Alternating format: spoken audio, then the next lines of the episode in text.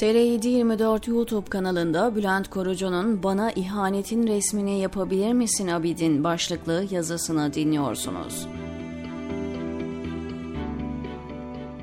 Sen hiç yavrularını peşine takıp tilki yavrusuna götüren anaç tavuk gördün mü?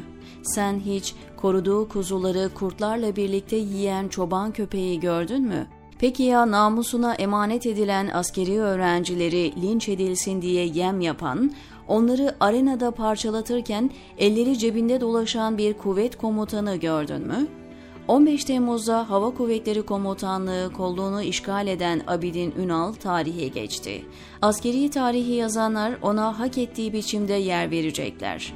Aslarını tuzağa düşüren ve onlarla yüzleşmeye bile cesareti olmadığı için mahkemelere gidemeyen Genelkurmay Başkanı Hulusi Akar da var elbette. Ayrıca askerleri kendisine ulaşıp emirlerini alamasın diye cep telefonunu kapatıp otoparklarda saklanan Silik Deniz Kuvvetleri Komutanı Bülent Postanoğlu da unutulmayacak. Ama en hatırı sayılır bölüm çocuk katili Abidin Ünal'a ayrılacak. Şehit kızı Harbiyeli Nimet Ecem Gönüllü Abidin Ünal'ın tuzağa düşürdüğü çocuklardan. Babasının ismi üst geçitlere verilirken o müebbet alan 3'ü kız 259 Harbiyeli'den biri olarak 6 yıldır cezaevinde. Oysa şehitler geride bıraktıkları çocukları için silah arkadaşlarına güvenir, böylece gözü arkada kalmazdı. Sadece bu örnek bile Ünal'ın sicilini kapkara kılmaya yeterdi. Harbiyelilerin hazırladığı Mavi Otobüs belgeselinin toplumun pek çok kesiminde ilgiyle karşılanması ve ikna edici bulunması en çok onu tedirgin etmiş olmalı. Akıncı üstünde elleri cebinde dolaşırken çekilen kareler medyaya servis edildiğinden beri haklı olarak endişeli. Başkalarının ki çıkmazken neden sadece benim görüntüm var diye mızıldanmıştı. Sesini fazla yükseltemedi zira arkası gelirse daha kötü olurdu. Abidin Ünal 15 Temmuz'un en zayıf halkası ve balon irtifa kaybettiğinde ilk atılacak ağırlık yazısını boynunda taşıyor.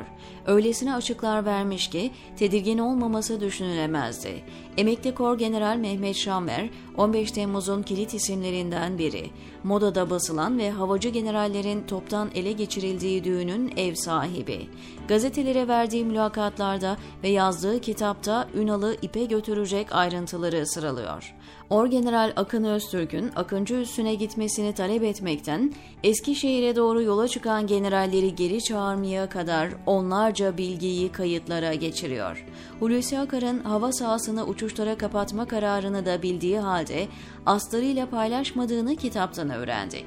Genelkurmay'dan Akıncı'ya giderken dönüp kepini isteyen Akar'ın derdestliği ne kadar gerçekçi ise Ünal'ınki de o kadar. Hiçbir şekilde elleri bağlanmayışı, cep telefonuna el konulmadığı için sağa sola emirler yağdırması senaryoda büyük delikler açıyor. Dönemin İçişleri Bakanı Efkan Alada kendisini Ünal'ın telefon talimatlarının kurtardığını anlatmıştı. Hande Fırat dahi şaşkınlığını gizleyememiş ve canlı yayında nasıl yani darbeciler tarafından derdest edilmişken telefonunu kullanmaya devam mı etmiş diye sormuştu.